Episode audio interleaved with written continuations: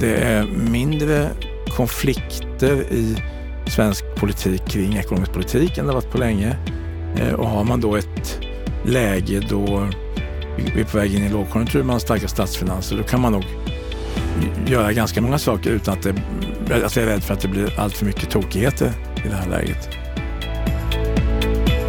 Det är mindre konflikter i svensk politik än på länge, så det går att göra en hel del politiska åtgärder utan att det blir så många tokigheter. Ja, det menar Håkan Frisén som är prognoschef på SEB.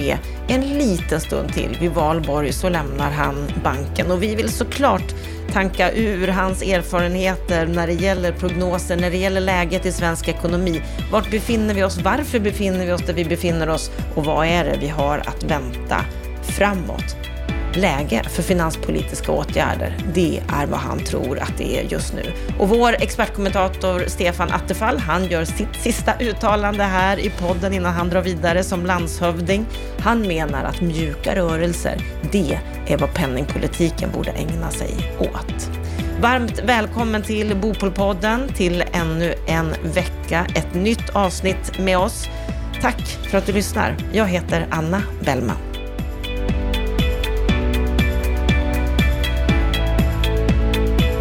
Han har jobbat med att förutspå konjunkturen i mer än tre decennier. Nu har han publicerat sin sista konjunkturrapport efter 22 år som SEBs prognoschef. På valborg lämnar han banken för att trappa ner och se om han ska ha några sidouppdrag. Och vi vill ju naturligtvis tanka ut så mycket vi kan av dessa tre decenniers erfarenheter. Varmt välkommen till Bopolpodden Håkan Frisén. Mm, tack, tack. Vad är din sinnesstämning idag?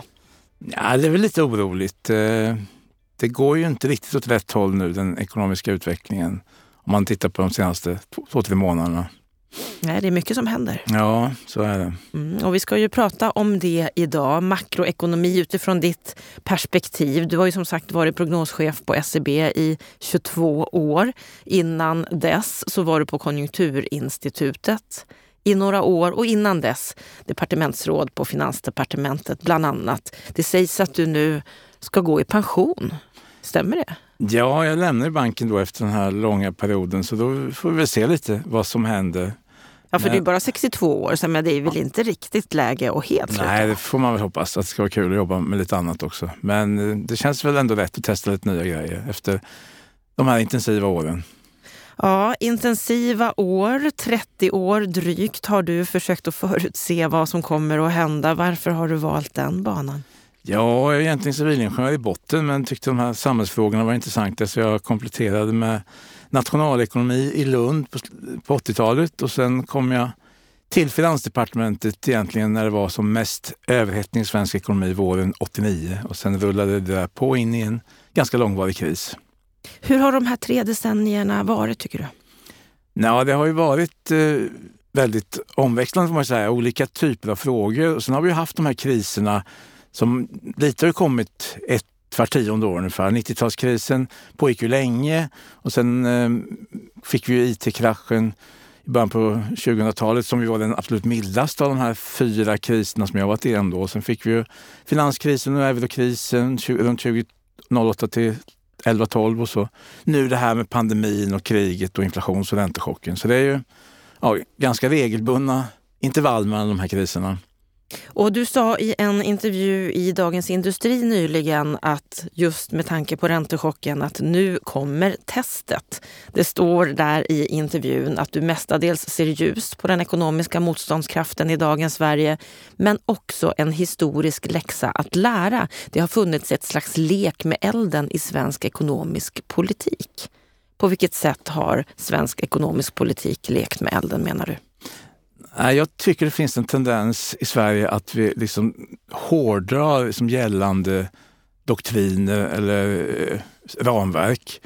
Och det där går tillbaka till 70-talet, tycker jag, 1970-talet då när vi längst av alla försökte ha en väldigt ambitiös finanspolitik som skulle eh, hålla hög sysselsättning och jämn aktivitet och hög aktivitetsnivå. Sen var vi, som en del minns, sist ut att försvara kronan med de här extrema räntorna på 90-talet. Och sen tycker jag också vi har haft den här tendensen att när det är låg inflation så tenderar Riksbanken att ha lägst ränta i, i världen så svänger man om väldigt snabbt. Och man minns ju det här 2008 när Eh, Riksbanken höjde räntan tre veckor innan Lehman-kraschen. Det är ett exempel på det här hur man liksom, ja, att man leker med elden? Ja, det kanske beror på att vi, jag brukar säga att vi eh, har en tendens i Sverige att väl älska att bråka om ekonomiska politiken. Och det går ganska djupt in i samhällslivet. Det är en ganska bred front som vi har. Eh, många tycker det är spännande. Arbetsmarknadens parter är ofta i konflikt med Riksbanken på olika sätt, eller också de vänner med Riksbanken. Så att det där att, eh, att det, det går så djupt in i samhällsdebatten kanske också gör att det är svårt att ändra position när verkligheten ändras. Man får lite låst läge. Ja, man har stridit så mycket för sin sak och kämpat hårt i, i olika debatter och konflikter och då, då blir det svårt att ändra sig. Tycker du att man har blivit bättre under de här tre decennierna du har jobbat? Eller är man fortfarande stridsvillig ja, och, och det, låst i sina positioner? Det tycker jag nog att inte har blivit bättre. Däremot så tycker jag att man har blivit mer professionell på Finansdepartementet och Riksbanken och andra myndigheter att kommunicera sina ståndpunkter. När jag kom in i, i Finansdepartementet eh, innan vi gick med i EU, då tyckte jag vi hade svårt med det. Vi var inte vana vid att eh, ta internationella möten på rätt sätt och, och, svara på rätt sätt. Men det vände efter EU-inträdet och den socialdemokratiska regeringen som kom 94 eh, förbättrade det ganska mycket. Men det, så det här att vi, vi, vi kan spelet nu, men det innebär inte att vi inte vi tenderar ändå att göra om de här misstagen med att hålla i idéer för länge. Och i den kris som vi är inne i nu, hur klarar vi av den tycker du? Ja, men nu har vi hamnat i ett lite jobbigt läge med den här snabba omsvängningen av penningpolitiken och räntepolitiken i en ekonomi som är väldigt räntekänslig. Så vi, vi, vi har en, en hög eh, sårbarhet i det här läget och det är omvärlden ganska observanta på. Så att eh, på det, på det sättet så så känns det inte så bra det här. Sen har vi ju också det här, liksom hur, allvarligt är inflationshotet och vad kan andra delar av den ekonomiska politiken göra i det här läget? Och då har vi ju stort utrymme för finanspolitiska stimulanser tack vare den låga statsskulden. Men nu är ju regeringen försiktig med det och man kan förstå det så länge inflationen är så här hög. Men jag tror så fort det lättar på så har finanspolitiken en roll att spela också för att mildra den här nedgången. Du, du har själv sagt att din största prognosmiss det var inflationsuppgången som ju startade förra året. Ja. Vad, vad var det du missade? Ja, jag är inte ensam om det där. Vi var många som Nej, det var svårt det. att förutse. Ja, men eh, som, som prognoskollektiv så kan man säga att det där var en händelse där vi hade erfarenheter av att det inte alltid hjälpte att lyssna på verkligheten. Det har hänt ganska många gånger de senaste decennierna att företag och eh, andra aktörer larmar om att nu kommer inflationen och de har inte gjort det. Så jag tror att det, den, den erfarenheten gjorde att det krävdes väldigt mycket innan eh, inflationsprognosmakarna i Sverige verkligen skulle ta det här på allvar. Och det gick, lite, det gick onödigt lång tid innan, innan vi borde ha insett att det här är något helt annat än det vi har sett de senaste 30 åren. Vad var det ni borde ha sett? Vi borde ha lyssnat mer på alla som såg prishöjningar komma i tidiga led och, och insett att det här kommer inte att kunna tryckas tillbaka.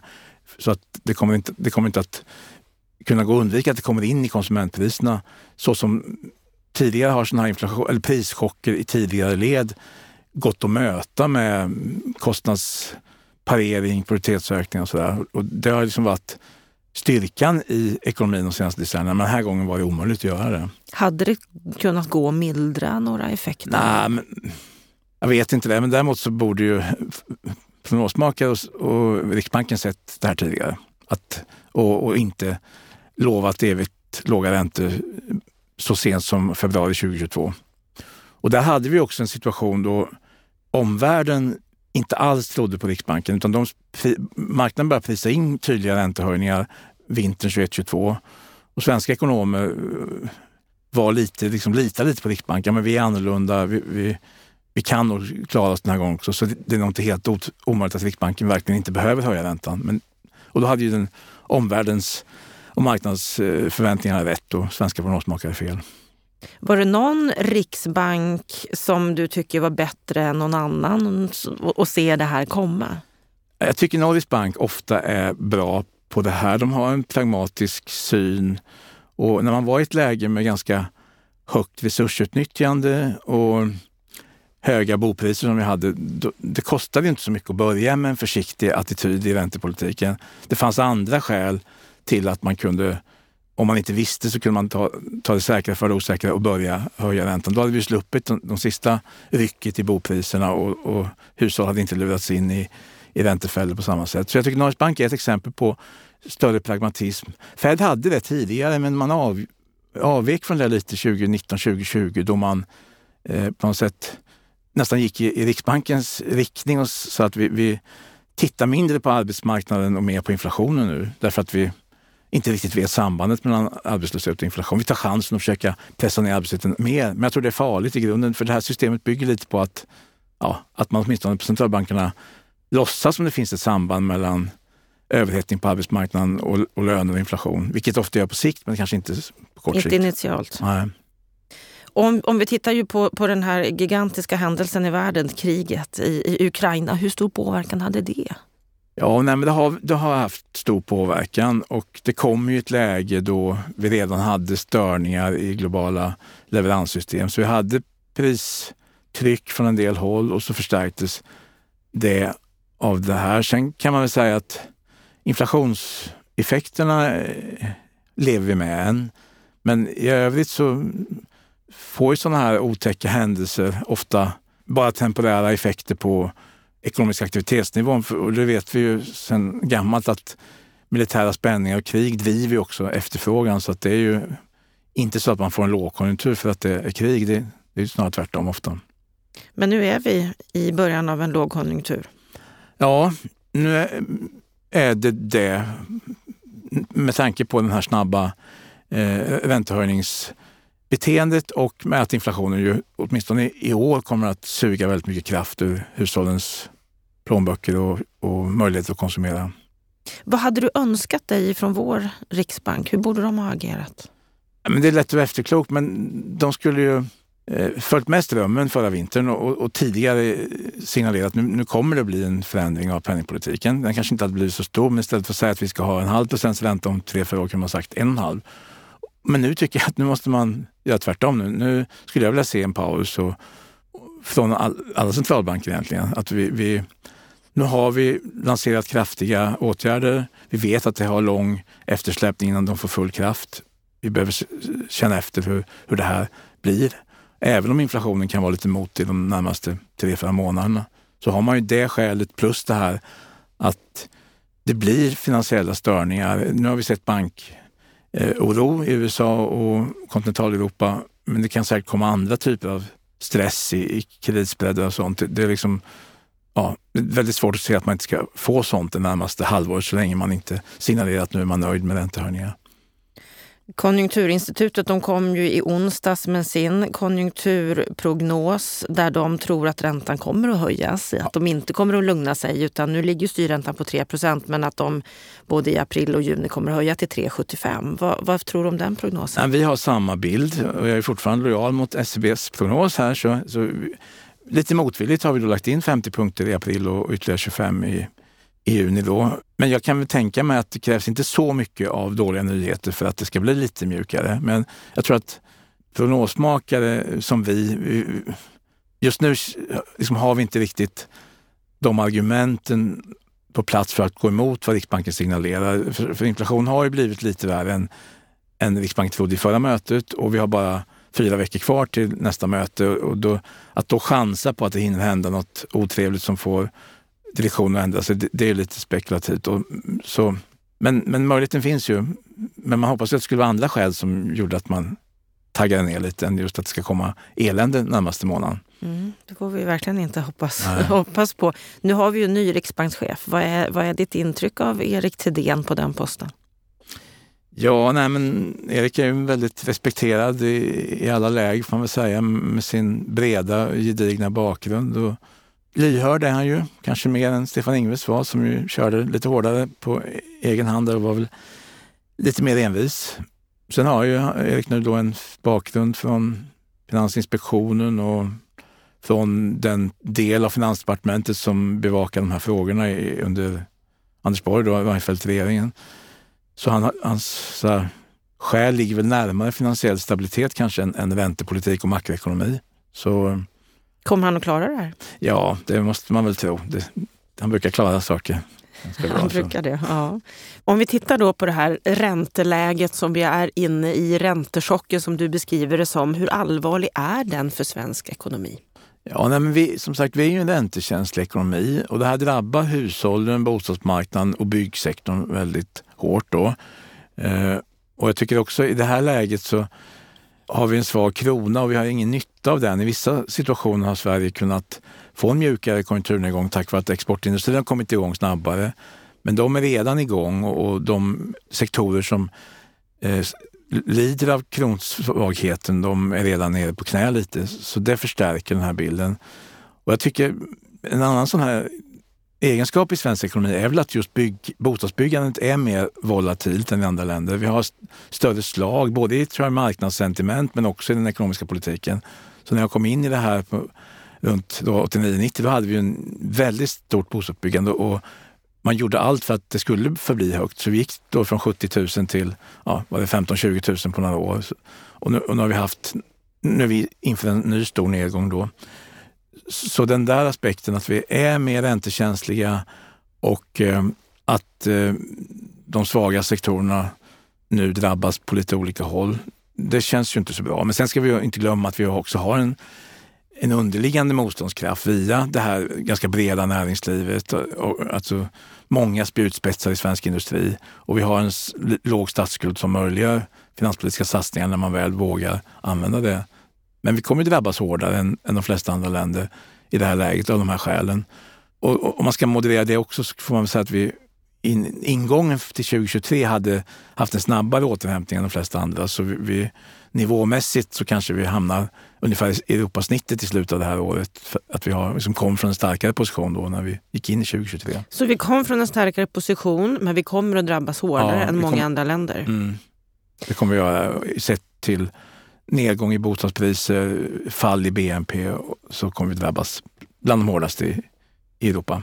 Och tittar vi just på, på BNP så byggsektorn står ju för 11 procent av BNP. Hälften av det är bostadsbyggande och precis som du säger, det var en rejäl nedgång förr och vi står inför en liknande nedgång nu om vi tittar på vad många experter säger. Veidekke kommer med sin nya marknadsrapport ungefär samtidigt som det här programmet sänds och där säger de ju att det är väldigt stora minskningar i bostadsbyggandet, ner mot 25 000 nästa år, när det egentligen skulle behöva byggas 65-70 000. Det är alltså en minskning med 65-70 procent. Ja. Det är mycket. Det är nästan lika illa som på 90-talet, som inte så många minns då. Men, men ja, det är en, också en egenskap att vi, vi får större svängningar i bostadsbyggandet på ett olyckligt sätt. Och det drabbar en del regioner ganska mycket, inte minst där jag kommer ifrån i Kalmar och Kronobergs län som är väldigt träberoende. Där har man märkt genom åren hur den här konvulsionerna i byggsektorn drabbar de regionerna väldigt hårt. Och om vi tittar i norr där det finns många industrier som behöver mycket arbetskraft nu. De behöver någonstans att bo och det kommer inte gå att bygga. Nej, absolut, så är det. Så det får stora effekter på samhällsekonomin. Mm. Många tror ju att det är 2023 som är det stora nedgångsåret. Det är nu vi drabbas, det är nu vi har det tufft och sen kommer det vända 2024. Vad säger du om det? Ja, det, det är väl huvudprognosen. Och jag har ju varit lite optimistisk på inflationssidan. Jag tror ändå att det inte krävs så mycket eh, för att inflationen ska vända ner. Det är ganska vanligt att man att känner lite uppgivenhet när man får några månadssiffror som kommer fel. Men att det ska vända 2024 bygger på att vi inte får allt för stora eh, som finansiella skadeverkningar så att eh, förmögenhetsutvecklingen blir för låg så att man kan få en sån här balansräkningskris där hushållen måste amortera mycket mer för att eh, undvika att man har för hög belåning och att vi får, får störningar i kreditsystemet i, i USA till exempel. Så kan vi klara oss igenom det här utan allt för stora eh, skadeverkningar på finansiella systemet och förmögenhetsbilden, då, då tror jag ändå att 2024 kommer bli bättre. För om vi då tittar exempelvis på många experter och exempelvis då den här marknadsrapporten från Veidekke som jag hänvisade till så tror de ju inte det. De tror att det kommer fortsätta neråt. Att det ja. blir så pass stora effekter. På byggandet eller hela BNP? På, på, på byggandet. Ja, nej, men nu pratar jag mest om ekonomin i allmänhet. Så, ja, det, det är mycket möjligt att 24 blir ännu något sämre. Det kan man tänka sig eftersom vi ändå inte har, om man ser som årsgenomsnitt för antalet starter så kan det mycket väl vara så. Och med tanke då på att byggandet står för så stor del av BNP? Ja, absolut. Det är ju en komponent som man får ta med sig. Men det är ändå, om man tänker förändringstal så blir väl även om nivån skulle sjunka ytterligare 2024 så kommer ju förändringsnedgången att bli störst 2023, kan jag tänka mig. Eller har de att de inte har något vi annat. Får, vi får avvakta ja, just den och se när den, när den publiceras. Och om då den här svackan håller i sig, om de har rätt i det, om vi ser en nedgång, rejäl nedgång i år, även nästa år, kanske även 2025. Tänk om det blir en nedgång under hela decenniet. Ja, men det brukar det sällan bli. Jag tror inte att vi har så stora underliggande spänningar. Jag tycker trots allt får man säga att det finns mycket i världsekonomin som är stabilare nu än det var inför finanskrisen när det gäller balansräkningar och risktagande och sådär. Så och det är sällan som Sverige avviker så mycket mot omvärlden. Det har funnits perioder när vi har gjort interna självmål, eh, framförallt 90-talskrisen men även kanske fanns, även på slutet på 90-talet var det något sånt. Men vi brukar vara ganska snabba ur startblocken. Så generellt tror jag inte det. Men, och jag tror också att får vi den här, det här låga byggandet så kommer nog ändå prismekanismen att slå till. Att vi får balans på, på andrahandsmarknaden och då kommer också bättre förutsättningar för byggandet. Och att räntorna ska ligga så här högt. Nu, nu vill ingen prata räntesänkningar för om något år, men jag skulle tro att om jag tvingas göra långsiktiga ränteprognoser så skulle jag väl lägga en styrränta på 1,5-2 procent kanske som någon sorts medelfristig prognos på 3 till 5 års sikt. Och i den miljön så blir det också lite lättare än det vi har nu. Ja, för just nu så är det ju många som har det tufft. Hushållens ekonomi är begränsad just nu. Det är många som förlorar köpkraft och många menar ju nu att det kommer ta lång tid för hushållen att kunna efterfråga exempelvis då nyproduktion. Eh, oavsett om det är hyrt eller ägt boende. Byggpriserna de kommer inte att eh, minska på grund av exempelvis höga energipriser, höga råmaterialpriser. Och på hyresmarknaden så är billiga pengar slut. Fastighetskapitalet, det, det är borta. Va, va, vad säger du om den här situationen? Nej, men det är en onödigt stor omsvängning från eh, att krediterna flödade och vi utlovades evigt låga räntor till den här omsvängningen. Så, så det är en ovanligt kraftig förändring i, i, bilden. Men jag tror väl ändå inte att det är något sorts strukturskifte eller någonting som vi ska se så mörkt eh, på framtiden. Det finns i det här, i sådana här kriser, någon sorts dilemma för policymakers att man vill genomföra någon typ av uppfostringsprojekt i det här läget. Man vill liksom inte bara släppa efter direkt. Och det hade vi, 90-talskrisen var lite att då skulle vi lära oss att inte devalvera. Under, innan Lehman-kraschen skulle centralbankerna liksom lära marknaden att inte ta för stor risk. Och den där, det där uppfostringsprojektet pågår en tid tills det blir för farligt och då måste man liksom släppa det. Och, och, och vad är det för uppfostringsprojekt vi har just nu? Nej, men nu försöker man ju, nu handlar det om att bankerna tog för större risker, en grej man säger i USA.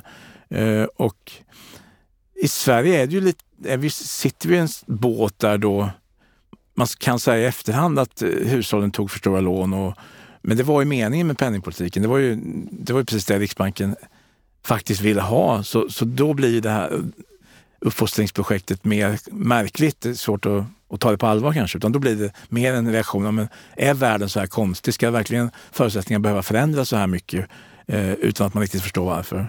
Så där tycker jag man har liksom en ja, bra fråga att ställa på sikt till policymakers som Riksbanken. Så här ska det inte behöva se ut egentligen.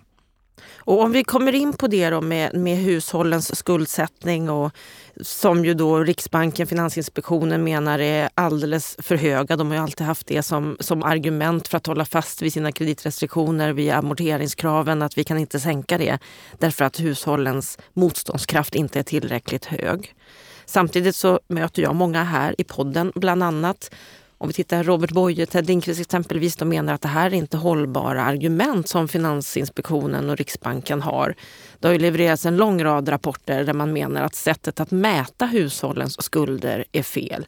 Att man inte från då Riksbanken och Finansinspektionen beaktar att vi har fler ägda boenden i Sverige än i andra länder och att andelen hushåll som har lån över 3 miljoner är bara 4 procent och många av dem är höginkomsttagare som mycket väl klarar en sån hög boendelån.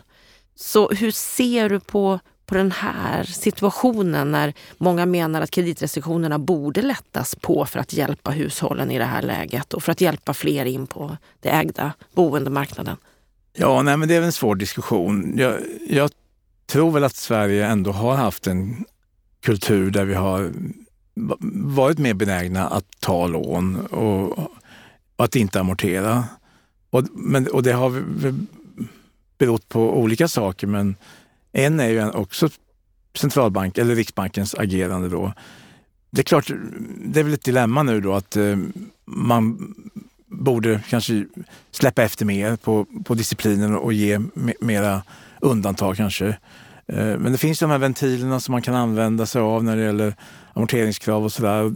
Ja, för man... särskilt utsatta hushåll? Ja, det kan väl breddas mm. kanske och, och, och, man ska inte vara rädd för att använda dem heller. Så, eh, kan man tänka mig att man kan, praxis kan förändras delvis så att man mildrar den, de här problemen.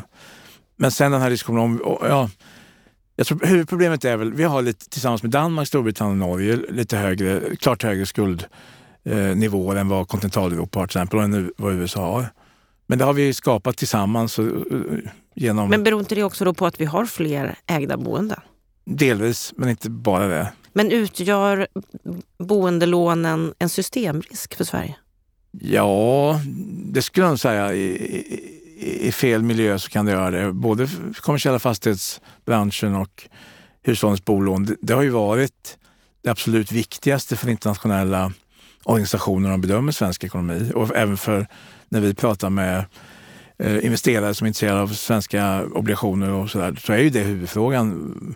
Eh, varför ser det ut så här? Då har vi, har vi haft, argumenten är ju bra som, som du för fram här, men det hjälper ju egentligen inte riktigt till att när man som klassar svensk ekonomi och jämför det med andra länder så är det, kommer det att vara och ha varit de här sakerna man tittar på. Det, Mäklarsamfundet kom med en, en fråga i förra veckan där de lyfter att blankolånen är ju ganska höga. Fyra av fem som har boendelån de tar också ett blankolån. Och 2022 så använder man blankolån i genomsnitt 187 000 kronor, vilket är den högsta nivån sedan de här mätningarna började. Är inte det en fråga som man borde titta på ifrån jo, myndighetshåll istället för att bara titta på boendelånen och amorteringskraven? Jo, då, det finns säkert skäl att granska eh, olika delar av det här skuldsättningsbeteendet och, och framförallt när när pengarna flödar så som de har gjort på senare år då innan vi kom in i den här räntehöjningscykeln så är det ju viktigt att titta på det. Eh, men ja, man kommer inte ifrån att de sista 15-20 åren så har ju eh, våra diskussioner med, med omvärlden väldigt mycket kretsat kring de här frågorna. Bostadsmarknad, kommersiella fastighetsmarknad och, och även andra industriföretags belåning. Även om, ja, det kan ha att göra med hur, hur man eh, disponerar det i, i sin globala struktur. Men, men ja, det är frågor som är viktiga för svensk ekonomi onekligen. Politikerna har ju öppnat lite för att ja, men vi kanske ska titta på att göra lättnader i kreditrestriktionerna. Ja, vad, vad, nej, vad tror jag tror kanske inte det hinner hända så mycket där. Det är ändå så att det tar ganska mycket politisk kraft att göra någonting där och det är förenat med politiska risker och köra över Finansinspektionen och sådär. Så ja, de sitter tror, lite i knät. Ja, lite så. Jag tror nog att försöka gå via mjukare tillämpning än att eh, slå på trumman för stora lättnader. Tror jag. Vad skulle du vilja se från politiskt håll?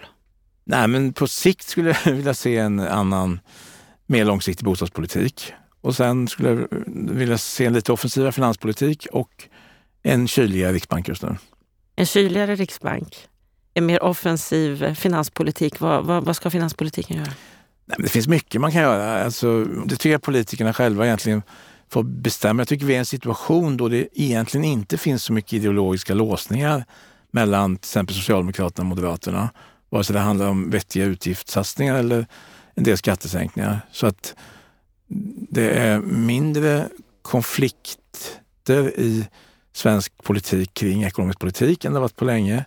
Eh, och har man då ett läge då vi är på väg in i lågkonjunktur, man har starka statsfinanser, då kan man nog göra ganska mycket många saker utan att det, alltså jag är rädd för att det blir allt för mycket tokigheter i det här läget.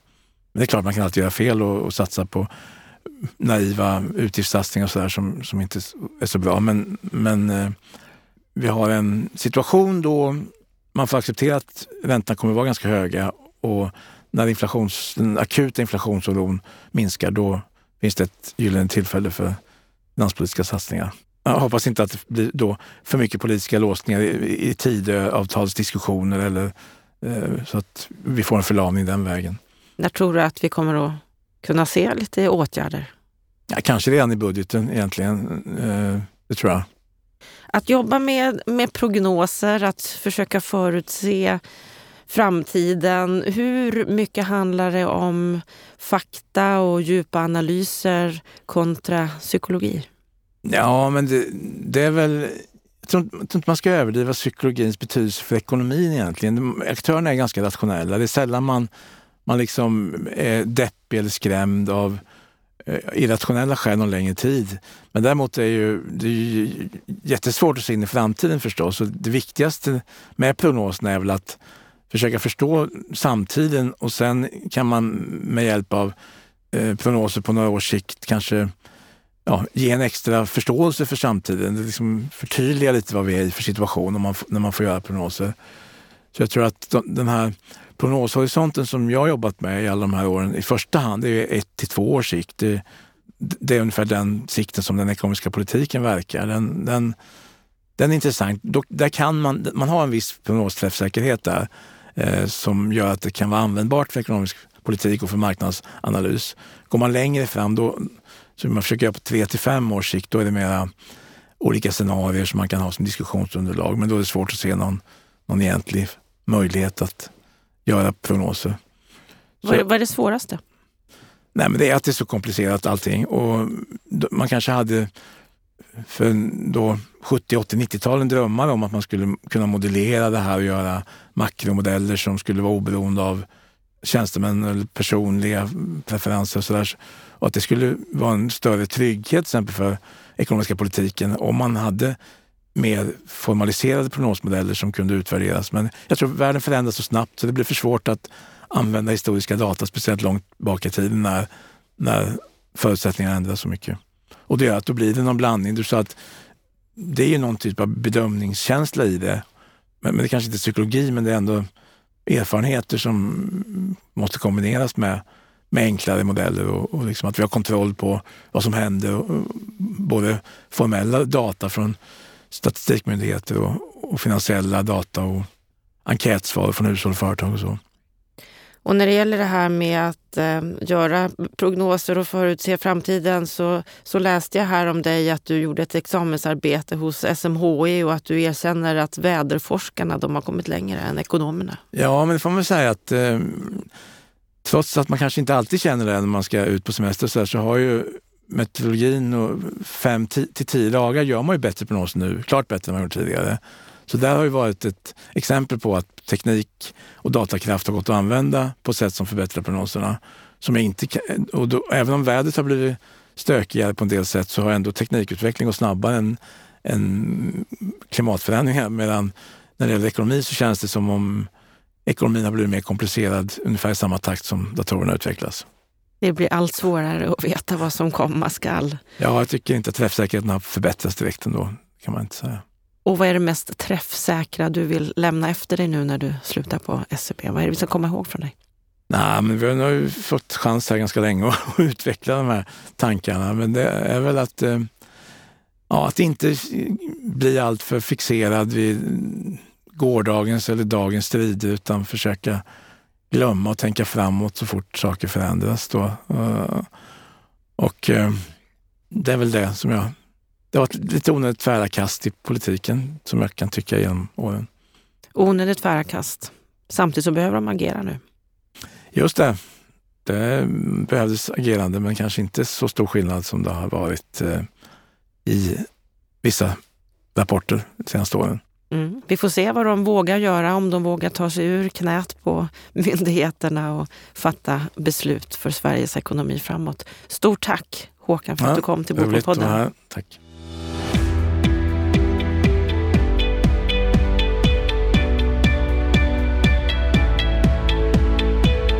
Då har vi hört samtalet med Håkan Frisén, prognosmakaren. Ja, Stefan Attefall, när du hör det här samtalet, vad tänker du?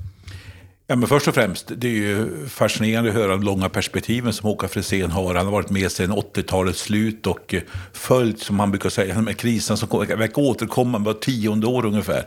Och det tror jag är det farliga när de här människorna som varit med länge lämnar också branschen. Det är att man saknar de här långa perspektiven. Och han pekar just på det här med att vi kanske haft en benägenhet i Sverige att hålla fast vid våra doktriner allt för länge. Och sen blir det snabba omställningar och det tror jag han har en poäng. Ryckigheten i finanspolitiken, men kanske framförallt i penningpolitiken, den är förödande. Det ska vara mjuka rörelser. Det är min eh, ledstjärna. Det ska vara förutsägbart. Och det har det inte varit. Och det är ett problem i sig själv. Och eh, där tillför han viktiga perspektiv med sin långa erfarenhet. Och när vi pratar i samtalet här om hur läget ser ut just nu och hur det har varit tidigare så nämner han ju bland annat att vi i Sverige har haft en förtjusning i att bråka om svensk politik, att, att vi skapar låsta lägen. Vad, vad säger du om hans tankar här? Jo, det kan så vara, men eh, Eh, det kan vara nog så mycket att man är överens om att eh, man har en doktrin, exempelvis hålla fast vid kronan som man gjorde på 90-talet, eller att man ska eh, hålla fast vid en stark finanspolitik så mycket så att man liksom lite grann tappar möjligheten att göra saker och ting. Bråkigheten och konflikterna, ja, det kan vara problem ibland, men ibland är det konsensus med problemet också. Så att det är nog båda perspektiven här. Om vi tittar på veckans Aktuellt i fredag så pratade vi där om att faktiskt eh, politikerna, regeringen sitter i knät på Finansinspektionen, på Riksbanken. Det höll ju Håkan med om här i samtalet. Ja, och det är ett exempel på den här med konsensus, alltså att ingen vågar ifrågasätta. Exempelvis eh, skälen för kreditrestriktioner, att vi har staplat dem på varandra, där man har haft olika argument i olika tider, och ibland har inte argumenten alltid haft den där vetenskapliga underbyggnaden som man kanske skulle önskat. Och så är det ingen som vågar ifrågasätta, är det sammantagna effekten den kloka? Eh, då blir alla liksom rädda för att vara liksom kritiska mot Finansinspektionen eller framstå som ekonomiskt lättsinnig. Eh, så att ibland är konsensus ett större problem än konflikt. Vi pratade en hel del om prognoserna framåt när det gällde räntepolitiken. Just nu så har vi ju ränta på 3% Han säger ju själv att han är lojal med SEB så länge han är kvar där någon månad till nu. Att de tror på höjningar till 3,75. Mm. mm. Ja, och han är ju, som han uttryckte, tror jag, eh, nödgad att tro på detta. Därför att han, han tycker ju att Riksbanken borde tagga ner lite. Och det här tror jag är stora frågan. Det vill säga, Eh, Riksbanken tar i i iven att verkligen markera nu är det inflationsbekämpning som gäller, vi ska ner med inflationen. De är livrädda för att inflationsförväntningarna ska liksom permanenta sig på en högre nivå i ekonomin. Inte minst med tanke på den avtalsrörelse som just nu pågår. Eh, och därför så har de en ganska hård attityd. Men problemet är att räntehöjningar slår igenom med ett till ett och ett halvt års eh, perspektiv. Och det innebär att risken att man tar i för mycket nu, för det är ju inte så nivån som är det stora problemet, utan det är den snabba förändringen. Så att jag är orolig för att Riksbanken tar i för mycket nu, liksom de har tagit i för mycket åt andra hållet tidigare. Och eh, här har vi också exempel på ryckigheten som Håkan Frisén beskriver. Så att eh, jag delar hans uppfattning att det, det vore klädsamt om man taggar ner lite. Samtidigt som jag förstår Riksbankens iver att inte låta inflationsförväntningarna fastna. Så kanske efter avtalsrörelsen är klar vi kan få lite lugnare och mer nykter förhållningssätt till de här frågorna. Han menar ju att finanspolitiken har en roll att spela för att mildra den här lågkonjunkturen, nedgången vi är inne i, att det är läge nu för finanspolitiska åtgärder. Ja, det är, där har du också inflationsproblematiken. Statskassan är välrustad. Vi har starka offentliga finanser. Det här är ju en jätteskillnad mot 90-talskrisen. Där statskassan var liksom tom. Va? Och eh, det här gör att man kan göra åtgärder. Men eh, då är man rädd för att inflationen ska på något sätt få bäring. Och det här är ju också en synd från en alltför expansiv penning och finanspolitik under pandemin och eh, runt detta som gör att vi får äta upp det nu. Så att återigen, mjukare rörelser, mindre dramatik. Det är välkommet, men finanspolitiken måste bli mer aktiv. Men jag tror att först vill man se signaler på att inflationen är på väg ner. Så vi får vänta kanske ett halvår till innan man börjar våga tillgripa de åtgärderna. Kanske redan i budgeten kommer en del signaler, eller längre fram i höst. Han menar ju också att Sverige kommer drabbas hårdast i Europa, eller hårdare än andra, andra länder. Att vi ser en rejält kraftig nedgång och det är stor nedgång i bostadsbyggandet bland annat. Mm. Nej, men prognoserna tyder ju på att vi får en större nedgång i hela ekonomin och särskilt inom bostadsbyggandet. Eh, och det är en stor del av ekonomin, så att det får ju stor effekt på svensk ekonomi. Och där håller han ju med också de prognoser som exempelvis bland Veidekke har, har kommit fram till. Och eh, han säger att det blir inte riktigt lika illa, men nästan lika illa som på 90-talet. Och då vet vi att bostadsbyggandet sjönk dramatiskt. Och det tog lång tid, och det är den stora frågan är hur lång tid tar det att vi får, återfår en mer normal marknad. Och då vet vi, om man förstår bostadssektorns funktion, så är det långa eftersläpningar. Nu är byggandet igång ganska mycket på grund av tidigare projekt. Men när orderböckerna eh, liksom inte längre fylls på så får ett genomslag som också sitter i länge. Och det underskattar tror jag många prognosmakare, kraften i hur svårt det är att få komma igång igen. Och få kreditmarknaden att fungera och få eh, bostadsbyggande och planprocessen som tar lång tid och dra igång nya projekt och liknande saker. Och här har kommunen också en stor roll att spela för att skynda på en eventuell uppgång i framtiden. Och något som vi också pratade om, det var ju hushållens skuldsättning. Och här vill jag göra en rättelse. Det är väl att jag är lite inne i en förkylningsdimma som gjorde att jag fick siffrorna fel. Det är alltså inte fyra av fem bolånetagare som tar blankolån också, utan det är 5 procent. Alltså en av 20 som också tar blankolån. Vad säger du om hans resonemang här när det gäller hushållens skuldsättning? Ja, det var intressant, därför att det här var eh, Håkan Frisén och uppenbart lite velig vilken position han skulle inta. Eh, om man ser hushållens skuldsättning som ett eh, av de stora problemen och ställer sig lite grann på Finansinspektionen och Riksbankens sida, eller man delar samma uppfattning som Robert Boye och John Hassler och andra ekonomer har som säger att det här är en överdriven betoning. Därmed inte sagt att inte enskilda hushåll kan få problem. Eh, och där tycker jag att han eh, vevar runt lite grann och inte riktigt hade en tydlig position. Eh, men sant är ju att det här är en sak som man tittar på från utlandets sida. Och där har man ju rätt att man får mycket frågor om detta. Men delvis beror ju också på att många av de bedömningar och de informationer som utländska, exempelvis eh, OECD och andra, när de gör sina bedömningar om svensk eh, ekonomi och hushållens skuldsättning, det kommer ju från aktörerna som är drivande den här debatten i Sverige, det vill säga Finansinspektionen och Riksbanken. Så att eh, det här blir lite rundsummespel. Men eh, eh, det är klart att har vi haft låga räntor, vi har haft en, en eh, politik nu där det är dyrt att exempelvis lösa upp ett lån som jag bundit under längre tid om jag vill flytta exempelvis. Alltså premieras korta lån, icke ska säga, bundna lån.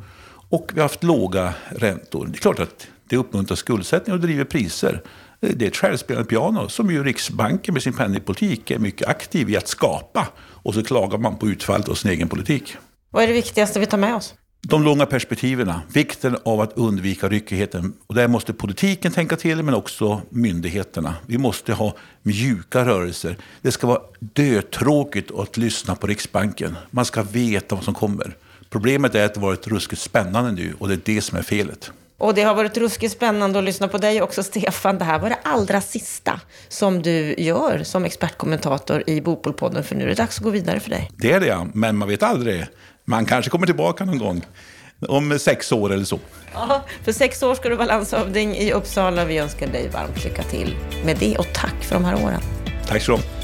Och stort tack till dig som lyssnar på Bopolpodden. I vanliga fall så är vi ju tillbaka på fredagarna med veckans Aktuellt, men nu är det påsk, så då tar vi påskuppehåll både på fredag och nästa måndag och så hörs vi nästa fredag igen i veckans Aktuellt, det senaste som har hänt under de här två veckorna då som har gått.